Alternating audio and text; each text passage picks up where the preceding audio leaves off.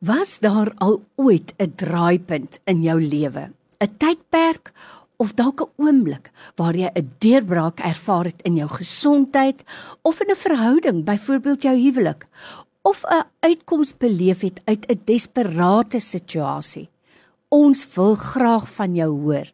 Stuur 'n SMS met die woord draaipunt na 32716 dit kos R1 of 'n WhatsApp na 0844 104 104 en deel dit met ons. Jou getuienis is dalk net wat nodig is om vir iemand wat luister weer hoop te gee of net weer te laat besef ons dien 'n God wat lewe. Onthou, Draaipunt word uitgesaai op 'n Vrydag aand 9uur en herhaal op 'n Sondagmiddag 06:30 net hier op Radio Tygerberg op 104 FM. Ons verkondig Christus. Ek lees 'n berig van twee jong mans, Piet Eys en Gideon Janse van Rensburg, wat gedink het dis die einde van hulle lewenspad.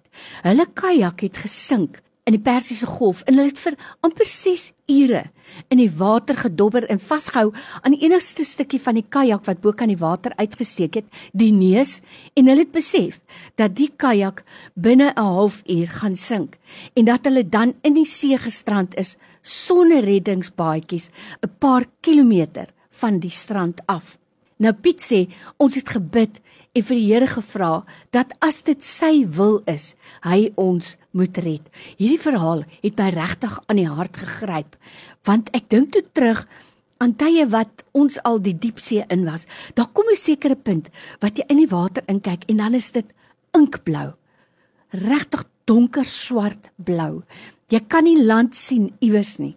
En ek het al baie gedink, ek wonder hoe dit moet voel om daar gestrand te wees. Nou dis presies wat hierdie twee jong mans deurgemaak het. Nou ek het die voorreg om vandag met jou hierdie verhaal te deel soos wat Piet Eys dit vertel en ek moet daarom baie dankie sê aan Okkie Butler wat vir my die inligting gegee het om by Piet se pa uit te kom. Ook 'n Piet, Piet Eys, hy sê evangelis en saam het hulle dit vir ons moontlik gemaak om vandag hierdie verhaal met jou te deel. Is jy dalk vandag op so 'n plek waar jy dink ek sien nie land nie. Ek sien nie 'n uitkoms nie.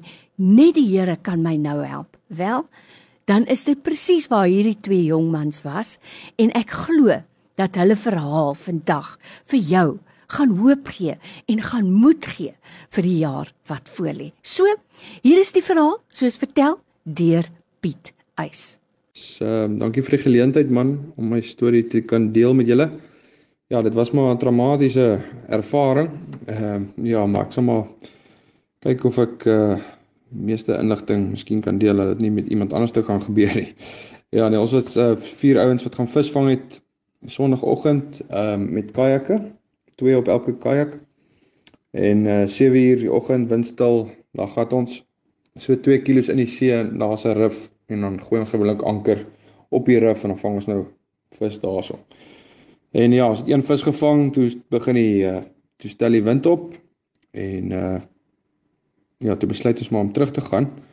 Maar wat ongewoon was, die wind het van die van die land af gewaai. Hy waai maar gewoonlik van die see af land toe.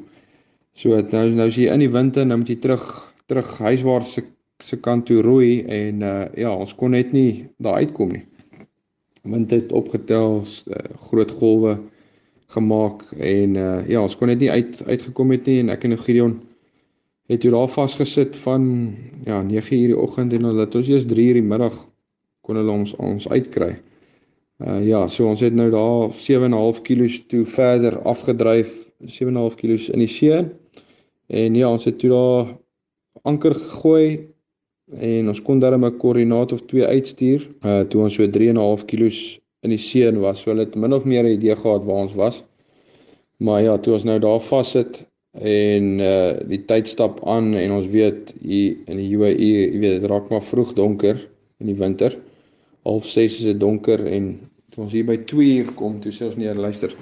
By 3 uur moet ons darm nou 'n koel maak of ons ons sny die anker en ons dryf maar af saam met die stroom. So ons opsies was of ons gaan 100 kg, dit was omtrent 200 kg min of meer, dan sê jy sal jy by Iran wees. Ander opsie is as ons uh hopelik hier's 'n eiland so 20 km weg van ons af as ons hom kan ons gaan hom definitief kan maak maar uh, ons is nie seker van die koördinate waar presies is hy nie so hopelik het ons hom gekry. En die ander opsie is as ons 'n bietjie meer uh, kant toe swem maar jy kan ook nie teen die stroom jy swem nie so jy moet maar so half uh, as ek nou 10 uur se kant toe swem maar ons kan glad nie land gesien het nie. Dit was die probleem. En ons so min of meer 'n idee gehad waar ons is, maar ehm uh, naderhand is die boot vol water. Hy het nou 'n lek plek gehad en dit is nou nie die voorste deel van die boot wat wat uh, lig het. Die uh kajak was hy was geanker gewees en uh toe ons die anker losgemaak het en ons wou toe op pad uit terug kant toe roei.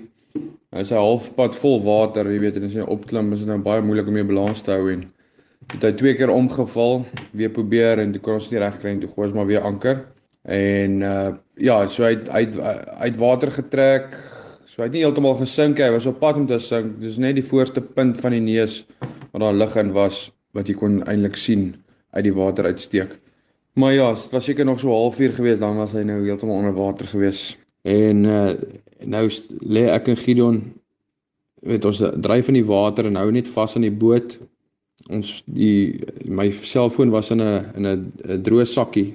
En die probleem is nou nou lê die foon heeltyd en ons kan nie antwoord nie want die alles is nou al nat met die sakkie wat jy nou oop en toe maak en en ek kry op my horlosie kry ek nou die boodskappe as haar soos 'n WhatsApp deurkom en toe my vrou net sy stuur bok as jy okay en ek kon toe net op my horlosie sê ja. Ek weet ek het drie opsies ja, nee en outrunning of so iets. Maar jy kan nou nie jy weet dis daai daai funksies wat hy nou het. Ja, toe moet ek nou met dit toe weet sy daarom nie ons is okay. Okay, so en dit was nou so 2 uur of so. So ja, dit was maar 'n lekker span poging. Hy naderhand, jy weet nou was alles maar nat geweest en toe moes hy die foon nou maar bære. En uh hopelik stuur iemand net 'n WhatsApp dat ons kan reply op die WhatsApp. Ek wou sê die diepte van die water waar ons was, ons anker het ge op 'n rotsbank, so dit was omtrent so 8, 9 meter, sou ek sê. En toe ons weer kyk 3 uur toe kom maar kom maar 'n skip na ons rigting toe. Uit die koördinate het hulle op 'n manier gekry en hulle het hulle kalkulasies gedoen dat ons in daai area miskien dalk kan wees. En ja, toe het hulle ons opgespoor 3 uur. Toe was ons net baie verlig geweest want dit was 'n rukkie in die water geweest. So volgende keer sal ons maar net seker maak dat die boot al die lekplekke toe is en reddingspaadjies.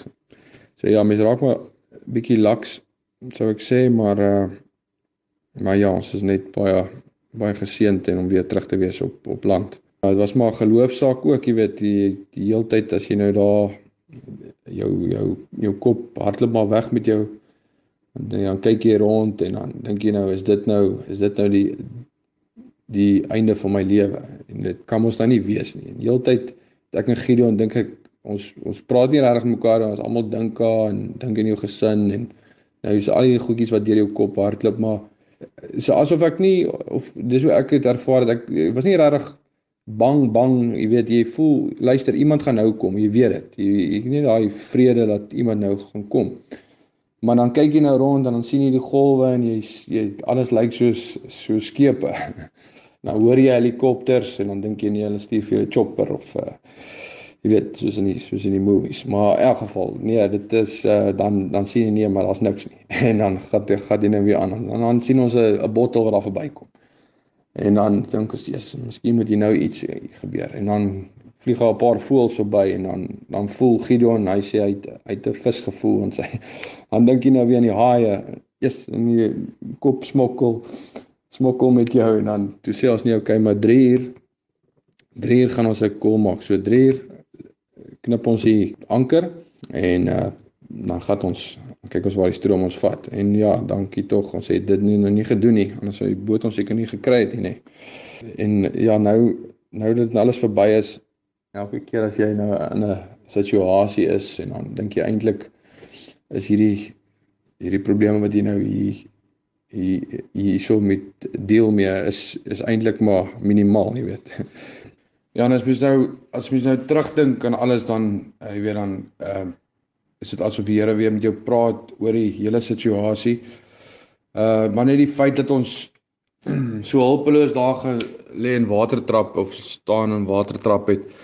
Jy weet dan dink jy net, "Ja, wanneer kom daai boot nou?" Want dit is nou al 2 ure, 3 ure, 4 ure wat jy nou daar staan en wag en die tyd gaan stadig verby en die tyd raak al hoe minder want jy het nou net 'n halfuur oor en jy weet wanneer wanneer kom die boot nou en dan ewe skielik is daar 'n skip wat van 'n kant af kom wat jy nie eens gedink het hy gaan kom nie en jy kyk na die hawe se kant toe idee min of meer waar vandaan jy skip hoor te sien jy kyk daai kant en ewe skielik as jy jou rug draai is die skip agter jou en dit was letterlik 200 meter van ons af toe toe is die skip ewe skielik daar jy weet en uh, dit is net asof jy weet jy moet maar net wag op die Here en hy sal hy sal deliver jy weet miskien nie op jou terme nie maar uh altyd altyd betyds. So uh, ja, dit is wat ek dink eh, mense hier kan uitvat. En uh, ja, dit wys jou maar net jy moet net bietjie meer meer geloof hê nê en uh bietjie uh ja, vertrou maar net op die Here. Dis dis wat ek hier kan uit uithaal.